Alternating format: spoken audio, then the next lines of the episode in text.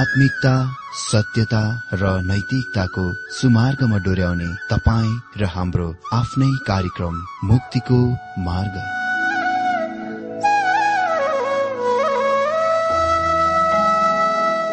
आदरणीय श्रोता यस मुक्तिको मार्ग कार्यक्रममा हार्दिक स्वागत छ। आशा छ यस आत्मिक कार्यक्रमद्वारा जीवनमा आत्मिक आशिष अलौकिक शान्ति र आनन्द प्राप्त गर्नुहुनेछ। र जीवनमा धन्य अनुभव गर्नुहुनेछ।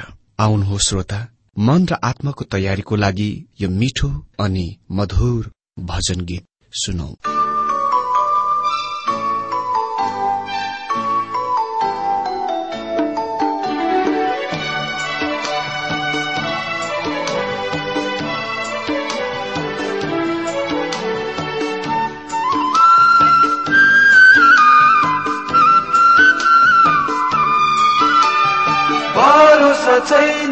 जीवनको बादल झैयो जीवन हो। एक दिन हामीलाई जानु छ। यसु मसीको सनमुखमा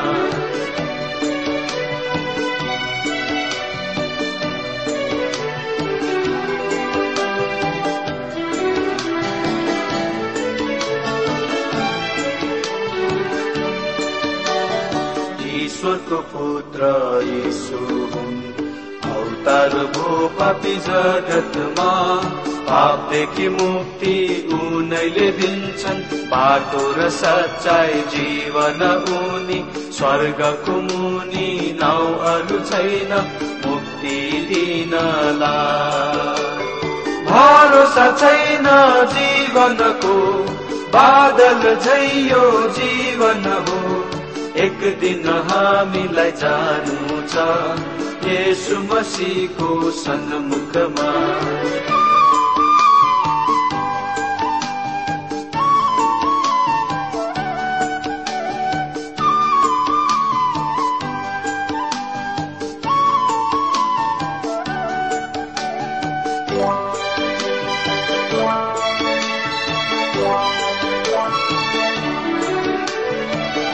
कर्म र कर्म गरेर संसारको सुखमा भुलेर समय नष्ट नगरौ। फर्केर फेरि आउँदैन। यसु मसी नजिकै छन् मुक्ति दिनला। भरोसा छैन जीवनको बादल झैयो जीवन हो। एक दिन हामीलाई जानु छ यसु मसीको सन्मुखमा।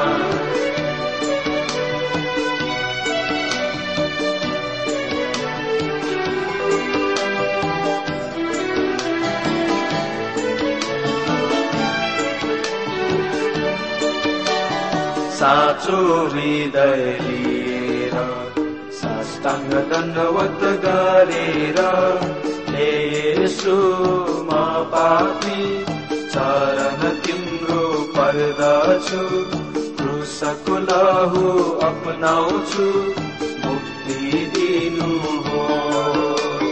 भरोसा छैन जीवनको बादल झैयो जीवन हो। एक दिन हामीलाई जानु छ यसु मसीको सन्मुखमा।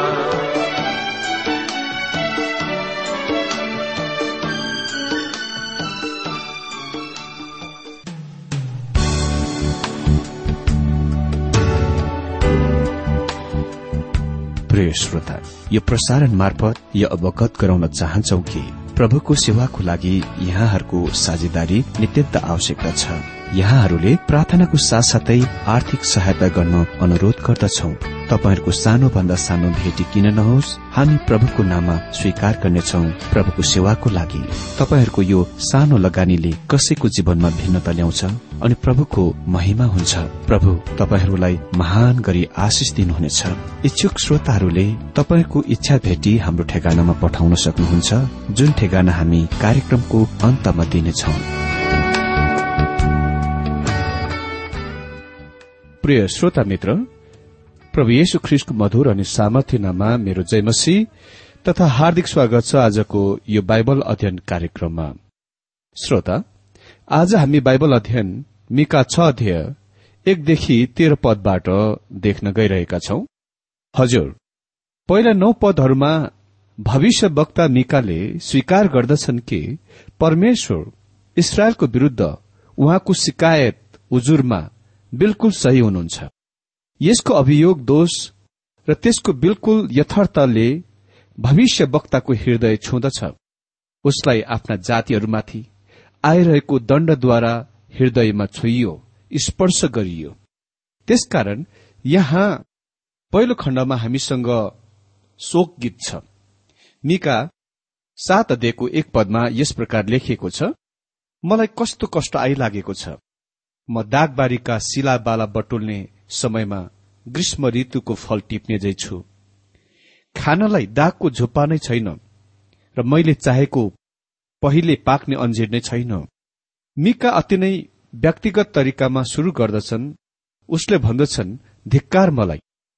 उनी खालि व्यक्तिगत सम्बन्धीका मात्र छैनन् तर यर्मिया जस्तै उसले दिएका परमेश्वरको वचनद्वारा अति नै धेरै प्रभावित भए। उनी यसद्वारा अभिभूत भए। उनी यसद्वारा शोकित भए। यी कुराहरू भन्ने कुरामा उसलाई कति पनि असल र खुशी लाग्दैन। एकजना वृद्ध अमेरिकी प्रचारकले यसै प्रसंगमा भनेका थिए अमेरिकाको बारेमा भन्ने मेरो कुराहरूमा कथनहरूमा कति पनि आनन्द छैन। जुन वास्तवमा निराशवादीका कुरा छन्। धेरै मानिसहरू मसँग तिनीहरूका बारेमा सहमत हुँदैनन्। तिनीहरू मलाई देशभक्त नहुने कामको लागि र मेरो राष्ट्रको लागि प्रेम नदेखाउने कामको लागि हप्काउँछन्। म अरू अमेरिकी जनताहरू जतिकै मेरो देशलाई प्रेम गर्छु यी कुराहरू भन्ने कुरामा मलाई कति पनि आनन्द लाग्दैन। म कामना गर्दछु काश म यो भनेर घोषणा गर्न सके। मित्रहरू यो मुलुकमा ठूलो जागृति शुरू हुन गइरहेको छ। यो निश्चय नै असल शुभ समाचार हुने थियो। तर मैले मिकासँग भन्नै पर्दछ धिक्कार मलाई। किनकि म वसन्त ऋतुका फलहरू टिपिसकेको समयमा र दाग टिपिसकेको बेलामा आइपुगेको जस्तै भएको छु। मेरो हृदयले चाहना गर्ने पहिले पाकेको नेभारा छैन। यो कुराको याद राखौं कि शास्त्रमा दागबोटलाई इसरायल राष्ट्रलाई चित्रित गर्न प्रयोग गरिएको छ। मिकाको समकालिक यसैया भविष्य वक्ता त्यो एक व्यक्ति हुन् जसले यसको विषयमा विस्तृत व्यवहार गरेका छन्। यसैया पाँच अध्यायमा उहाँले अति नै स्पष्ट रूपमा भन्नुभयो इसरायल दाग हो र दाग चाहिँ इसरायल हो। मिकाले आफ्नो राष्ट्रमा हेरे र भने एक पदमा मलाई कस्तो कष्ट आइलागेको छ।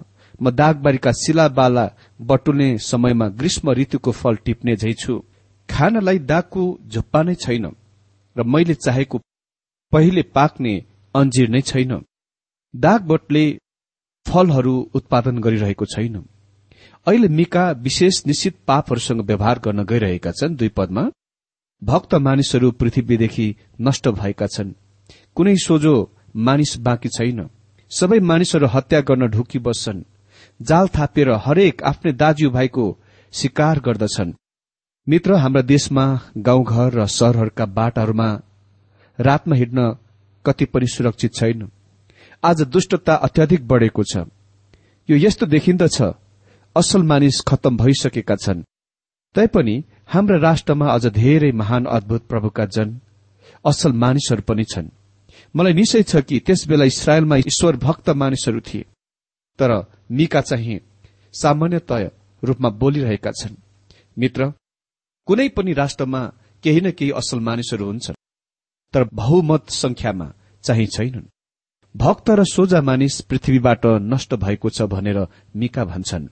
अनि तीन पदमा भन्छन् खराब काम गर्न दुवै हात निपुण छन् शासकले उपहार माग्दछन् न्यायकर्ताले घुस लिन्छन् शक्तिशालीहरूले जे चाहियो त्यही हुकुम गर्दछन्। तिनीहरू सबै एकसाथ युक्ति रच्दछन् जे दुष्ट छ त्यो गर्नलाई तिनीहरूका हात सधैँ तयार रहन्छ। ओ यो आज हाम्रो दिनका अधिकारमा बस्ने मानिसहरूको कस्तो तस्विर छ? भनिएको छ शासकहरू र न्यायकर्ताहरू घुस माग्छन्। अनि यो हाम्रो निम्ति आज पनि कुनै नौलो कुरो होइन। मित्र यो सबै कुराको पछाडि लोभ लालच छ। अनि लोभ र लालचको लागि तिनीहरू कुनै पनि प्रकारको सीमासम्म जान तयार छन्। मित्र सरकारमा मिकाको दिनमा इसरायलमा दुष्टता र भ्रष्टता थियो। ठूला मानिसहरू आफ्ना आफ्ना मनको इच्छा कुइच्छा प्रकट गर्दछन्। मतलब गन्ध फोहोर लापरवाहीको वचन बोल्दछन्। अनि यो हाम्रो निम्ति कुनै नौलो कुरो होइन। अनि चार पदमा लेखिएको छ तिनीहरू मध्येका सबैभन्दा असल चाहिँ काँडा जस्तै छ। सबैभन्दा सोझो चाहिँ काँडाको झाँगा भन्दा खराब छ। तिमीहरूका पहरादारहरूको दिन आएको छ। अर्थात त्यो दिन जब परमेश्वरले तिमीहरूलाई भेट गनाउनुहुन्छ अब तिनीहरूलाई खलबलाउने समय भयो। अरू त के त्यस बेला उक्त मानिसहरू पनि काँडा जस्तै थिए? तपाईँ होसियार हुनुपर्ने थियो। तपाईँ काँडाले रोपिन वा घोचिन सक्नुहुन्छ। यदि तपाईँ यससँग होसियार हुनुहुन्न भने यो मिकाको दिनमा अरू त के सबभन्दा उक्तम मानिसको पनि तस्विर थियो। तपाईँ तिनीहरूमाथि आश्रित हुन भरोसा गर्न सक्नुहुन्न थियो। तिनीहरू मध्येका सबैभन्दा असल चाहिँ काँडा जस्तै छ। सबैभन्दा सोझो चाहिँ झाडीको काँडा भन्दा खराब छ। ओ मित्र मिका कति धेरै बिल्कुल सही ठिक र यथार्थमा छन्। भनिएको छ तपाईँका पहरा दिनेहरूको दिन पालेहरूको दिन अर्थात तिनीहरूका दण्डको दिन आइपुग्यो। अब तिनीहरूको घबराउने दिन आइपुग्यो। प्रभु येशुले भन्नुभयो लुका एक्काइसको पच्चिस पदमा अनि घाम जुन र ताराहरूमा चिन्हहरू हुनेछन्। अनि पृथ्वीमाथि जाति जातिका घबराहट सहित संकष्ट गर्जिरहेको समुद्र र ओर्लिरहेको छाल। अर्को शब्दमा अन्तिम युगको चरित्र चित्रण गर्ने कुरा चाहिँ राष्ट्रहरूको संकष्टमा घबराहट र अन्यलता हो दोधारता हो। हामी युगको अन्तको नजिकमा छौं भने सबभन्दा ठूलो चिन्ह इसरायलमा पाइँदैन। इसरायल चिन्ह होइन। आज हामी चर्च युगमा मण्डली युगमा रहिरहेका छौं। हामीलाई कुनै दिनमा हेर्न आवश्यक छैन। हामीले मौसम रिपोर्टमा हेर्न आवश्यक छ। गर्जिरहेको समुद्र र ओर्लिरहेको छाल र आँधीहरू पृथ्वीमा टुट पड़ाई र राष्ट्रहरू विचलित वा व्याकुलता त्यो नै तस्विर परमेश्वरको वचनले आखिरी दिनमा इसरायल राष्ट्रको लागि पेश गर्दछ। मिकाले यी मानिसहरूले पाइरहेको समस्याको बारेमा बताइरहेका छन्। मतलब पाप तिनीहरूको जीवनहरूमा थिए। पछाडि मिकामा बनाएको सुन्दर कथन छ दिएको आठ पदमा यो थियो लेखेको छ ए मानिस जे असल छ त्यो उहाँले तँलाई देखाउनु भएको छ र परमप्रभुले तबाट के चाहनुहुन्छ? केवल यति ठिकसित काम गर्नु र कृपालाई प्रेम गर्नु र तेरा परमेश्वरसित विनम्र भएर हिँड्नु। मानिसहरूले यो कति पनि गरिरहेका थिएनन्। र तिनीहरूले पत्ता लगाए कि तिनीहरूले त्यसको गर्न सक्दैनथे पत्रुसले प्रेरित पन्ध्रको दश पदमा भने हामी व्यवस्थाको जुवामुनि थियौं। हाम्रा पिता पुर्खाहरूले यसको पालन गरेनन् अनि आज हामी पनि यसको पालन गर्न सक्दैनौ। तैपनि त्यहाँ धेरै मानिसहरू यो सोच्दै चर्च जान्छन्। तिनीहरू आफ्ना असल कामहरूद्वारा उद्धार पाएका छन् र तिनीहरूले गरेका कामहरूका आधारमा परमेश्वरको सामने ग्रहण योग्य छन्। त्यस प्रकारको पाखण्ड भन्दा अरू कुनै ठूलो पाखण्डपन छैन। मित्र मेरो बाइबलले यो स्पष्ट पार्दछ कि हामी खालि परमेश्वरको अनुग्रहद्वारा उद्धार पाएका छौं र उद्धार पाउँछौ। पाँच पद। एउटा छिमेकीमाथि भरोसा नगर एउटा मित्रमाथि विश्वास नगर आफूसँगै अंगालो मारेर सुत्ने स्वास्नीसँग पनि होसियार गरेर बोल। मित्र यसले त्यस दिनमा अस्तित्वमा भएका भएन कुराको प्रकट गर्दछ। अनि यो संसारका सम्पूर्ण सभ्यताहरू भनाउँदाहरूको निम्ति पनि सत्य छ। यो अति नै ठूलो दुष्ट भ्रष्ट संसार हो। हामीले यसको बुझ्न आवश्यक छ विशेष गरेर यदि हामी परमेश्वरको लागि खड़ा हुन्छौ भने। प्रभु येशुले भन्नुभयो मती दशको चौतिसमा म पृथ्वीमा मिलाप ल्याउन आएको हुँ भनी नसम्झ। म मिलाप ल्याउने होइन तर तरवार चलाउन आए। जबसम्म यस संसारमा दुष्टता छ शरीरको र आत्माको बीच ज्योति र अन्धकारको बीच र असल र खराब बीच युद्ध र संघर्ष हुनेछ। म प्राय गरी अति नै सबेरै उठ्ने गर्दछु किनभने म आफ्नो अध्ययनलाई घरमा अति नै सबेरै गर्न मन पराउँछु। म अझै अध्यारो हुँदै उठ्छु र म आफ्नो अध्ययन कोठामा आउँछु जुनमा पूर्वतिर फर्केको झ्याल छ। र म पूर्वतिर त्यस समयमा अन्धकार र ज्योति बीचको सूर्य अर्थात अन्धकार बीचको युद्ध संघर्षको हेर्दछु। म यस दृश्यलाई त्यस बेलासम्म हेरिरहन्छु जबसम्म अन्तिममा क्षितिसमा सूर्यको सूर्यको प्रकाश फुटेर त्यसको ज्योति र प्रकाश फैलिँदैन र अन्धकार हराउँदैन। अनि त्यस समयमा सधैँ यो यस्तो देखिन्दछ मानौ अन्धकार ज्योतिसँग संघर्ष युद्ध गरिरहेको छ। अनि कुरा साँझमा घाम डुब्न लाग्दा पश्चिम दिशामा देख्छौ। जब अन्धकारले स्थान लिन खोज्छ संसारमा त्यस प्रकारको आत्मिक युद्ध चलिरहेको छ। प्रभु येशुले मती दश अध्यायको पैंतिस र छत्तीसमा आफ्नो भनाइलाई निरन्तर जारी राख्नुहुन्छ किनकि म मानिसलाई उसको बाबुबाट अनि छोरीलाई उसकी आमाबाट र बुहारीलाई उसकी सासूबाट अलग गर्न आएको हुँ। अनि मानिसका शत्रुहरू उसको आफ्नो परिवारहरूका हुनेछन्। तपाई आफ्नै परिवारलाई विश्वास र भरोसा गर्न सक्नुहुने छैन। निका भन्छन् पाँच पदमा पाँच पदमा यस प्रकार लेखिएको छ एउटा छिमेकीमाथि भरोसा नगर एउटा मित्रमाथि विश्वास नगर आफूसँगै अंगालोमा अंगालो मारेर सुत्ने स्वास्टीसँग पनि होसियार गरेर बोल। मित्र म सालौंदेखि त्यस्ता घटनाहरू सुनेको छु अनि यो दुवैतर्फी सत्य छ। पत्नीले आफ्नो पतिलाई विश्वास र भरोसा गर्न सक्दिनन्। र पतिले आफ्नो पतिमा विश्वास र भरोसा गर्न सक्दैनन्।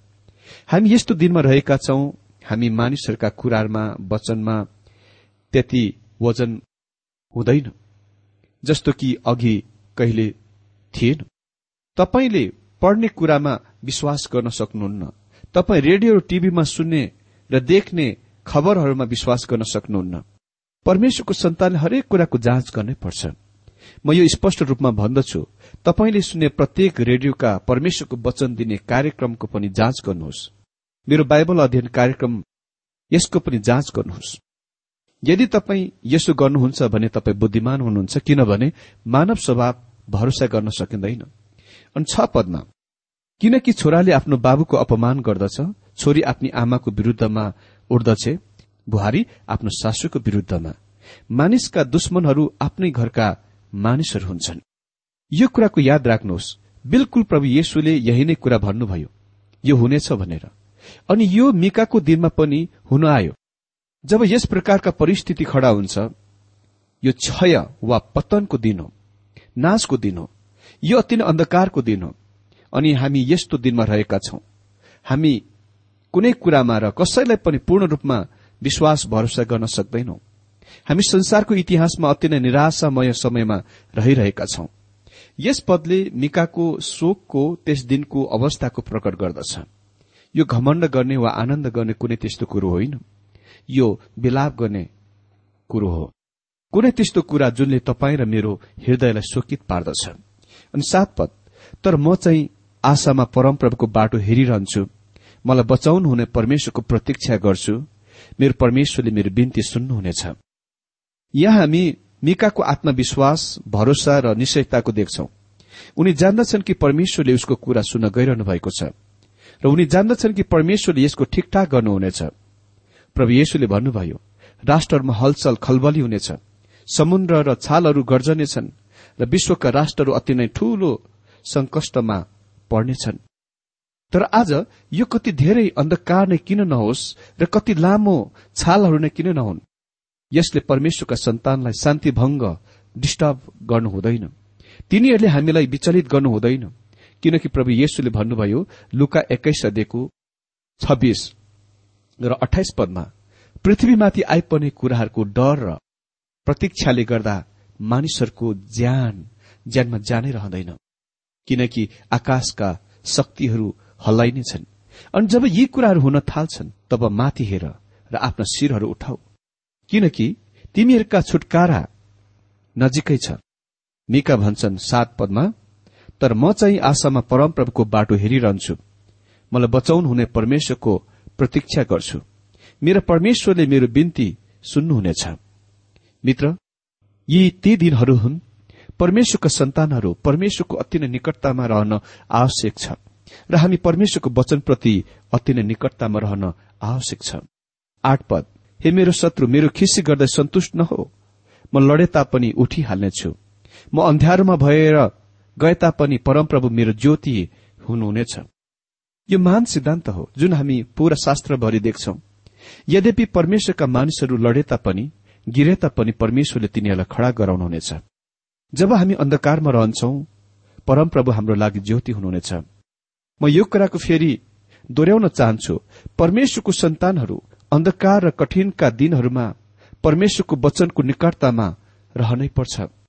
अहिले पद नौमा आफ्ना जातिहरूको पक्षमा भएर मिकाले परमेश्वर कहाँ पापहरूको स्वीकार गर्दछन् अंगीकार गर्दछन्। वा न्यू स्कफिल्ड रिफरेन्स बाइबलले यसलाई यो उपाधि दिएको छ परम प्रभु प्रति समर्पण। त्यहाँ मधुर समर्पण छ। अन्धकारको बावजुद उसका ओठहरूमा परमेश्वरको लागि स्तुति प्रशंसा छ। उसले अहिले भर्खरै शत्रुहरूलाई भनिसकेका छन्। मेरो विरूद्धमा नरमा खुशी नहो। परमेश्वरले मलाई माथि उठाउन गइरहनु भएको छ। अनि त्यसपछि म आनन्द हर्ष गर्नेछु। यद्यपि म अन्धकारमा रहे तापनि परमप्रभु मेरो ज्योति हुन गइरहनु भएको छ। मिकासँग आत्मविश्वास थियो कि परमेश्वरले उसलाई छुटकारा दिनुहुने थियो र उसका जातिहरूलाई छुटकारा दिनुहुने थियो। नौपद। जबसम्म उहाँले मेरो वकालत गर्नुहुन्न र मेरो हक पक्का गरिदिनुहुन्न तबसम्म म परमप्रभुको क्रोध सहनेछु किनभने मैले उहाँकै विरूद्धमा पाप गरेको छु। उहाँले मलाई निकालेर ज्योतिमा ल्याउनुहुनेछ र म उहाँको धार्मिकता देख्नेछु। मिकाले मानिसहरूको पापको सार्वजनिक अंगीकार वा स्वीकार गरेका छन्। ओ यस मानिससँग कस्तो निश्चयता र आत्मविश्वास थियो। उसले आफै स्वयंलाई परमेश्वरको इच्छामा समर्पण गर्दछन्। संसारको इतिहासको यो अन्धकारमय घड़ीमा प्रत्येक परमेश्वरको सन्तानहरूको यो अवस्था हुनुपर्छ। त्यो कुन कुरा हो? हामीले गर्नुपर्छ। हजुर त्यहाँ एक कुरा छ जुन पक्का छ। परमेश्वरले हरेक कुरा घट्नलाई हुनलाई अनुमति दिनुभएको छ र उहाँ अझै नियन्त्रणमा हुनुहुन्छ। त्यसकारण हामीले आफैलाई परमेश्वर कहाँ समर्पण गर्नुपर्छ। हामीले हाम्रा पापहरूको स्वीकार गर्नै पर्छ र हामीले हरेक कुरा उहाँसँग ठिकठाक र सफा राख्नुपर्छ। हरेक कुराको उहाँसँग मिलाइ हाल्नुपर्छ। त्यो नै कुरा महत्वपूर्ण छ। यो कुराको ध्यान दिनुहोस् मिका भन्छन् म परमप्रभुको क्रोध सहनेछु। किन? किनभने मैले उहाँकै विरूद्ध पाप गरेको छु। प्रभुका महान प्रचारक मेगीले आफ्नो जाति अमेरिकाहरूको बारेमा यसै प्रसंगमा भनिरहेका थिए। हामीले राष्ट्रको रूपमा पाप गरेका छौं। तपाईँले पाप गर्नुभएको छ।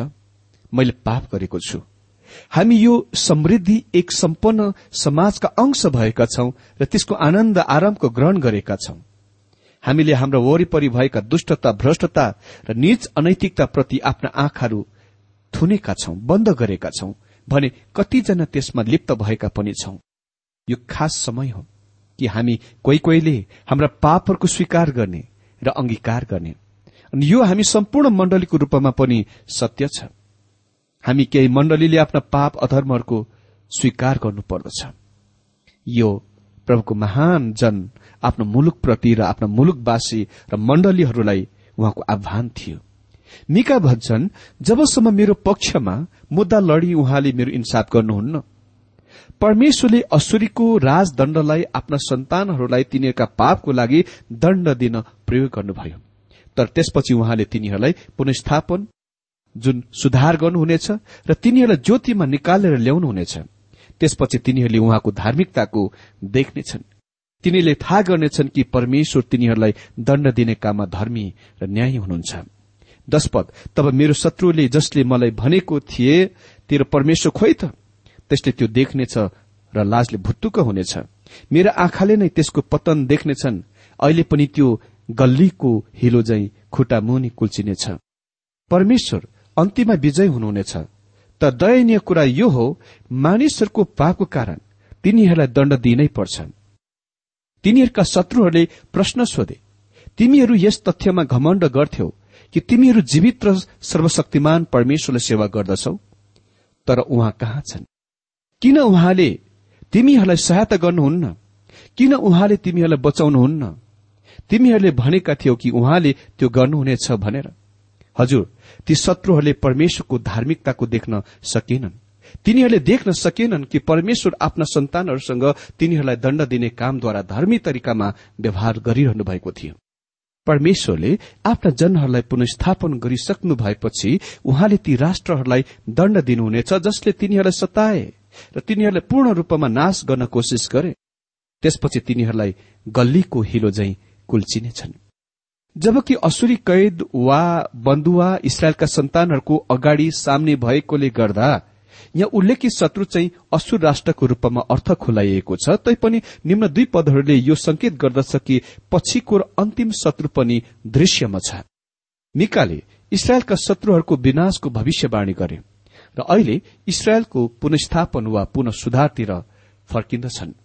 इसरायलको राष्ट्रलाई शास्त्रका धेरै अनुच्छेदहरूमा दागबोटको रूपमा तुलना गरिएको छ। विशेष गरेर यसैया पाँच अध्ययको एकदेखि सात पदमा दागबारीको यसैयाको गीतको ध्यान दिनुहोस्। मिकाले उल्लेख गरेका पर्खालहरू दागबोटका वरिपरिका पर्खालहरू हुन्।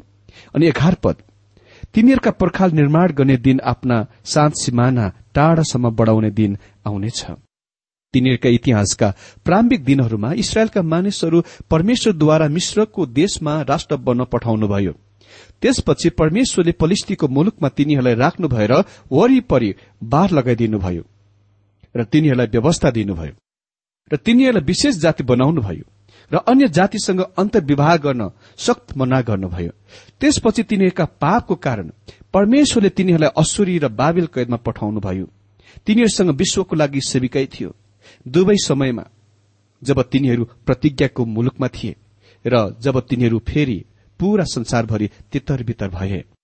बाह्र पद। त्यस दिन असुरबाट र मिश्रका शहरहरूबाट मिश्रदेखि लिएर युफ्रेटिसम्मका र समुद्रदेखि लिएर समुद्रसम्मका र पर्वतदेखि लिएर पर्वतसम्मका मानिसहरू तिमीहरू कहाँ आउनेछन्? हामीले चार अध्यायमा देखिसकेका छौं कि हजार वर्षीय राज्य युगको सम्पूर्ण राष्ट्र र जातिहरू सियोनमा आउनेछन् अरू त के? अघिका शत्रु असुर्य पनि। मिका चारको दुई पदमा लेखेको छ धेरै जाति आएर भन्नेछन् आओ हामीहरू परमप्रभुको पहाड़ याकुबका परमेश्वरको भवनमा जाउँ र उहाँले हामीलाई आफ्नो मार्ग सिकाउनुहुन्छ। र हामी उहाँको मार्गमा हिँड्नेछौ किनभने व्यवस्था सियोनबाट र परमप्रभुको वचन यरुसलेमबाट निस्कनेछ। तर मिकाले तिनीहरूलाई याद दिलाउँछन् कि यो आशिषको समय भन्दा पहिले तिनीहरूको सामने अगाडि दण्ड छ। तेह्र पद। तिनीहरूका कामको फलले गर्दा त्यसका बासिन्दाहरूको कारण पृथ्वी शून्य हुनेछ। मित्र देख्नुभयो राष्ट्र र मानिसहरू अभिन्न अंगको रूपमा एकसाथमा जोडिएका छन्। त्यो मुलुक आज जुन प्रकारको उजाड स्थानमा छ उजाड छ त्यस्तो अघि वा पहिले थिएन। तर परमेश्वरको दण्ड आज पनि त्यहाँ परेको छ। जब परमेश्वरको आशिष मानिसहरूमाथि आउँदछ यो फेरि त्यस मुलुकमाथि पनि आउनेछ तर यो अहिलेसम्म त्यहाँ आएको छैन।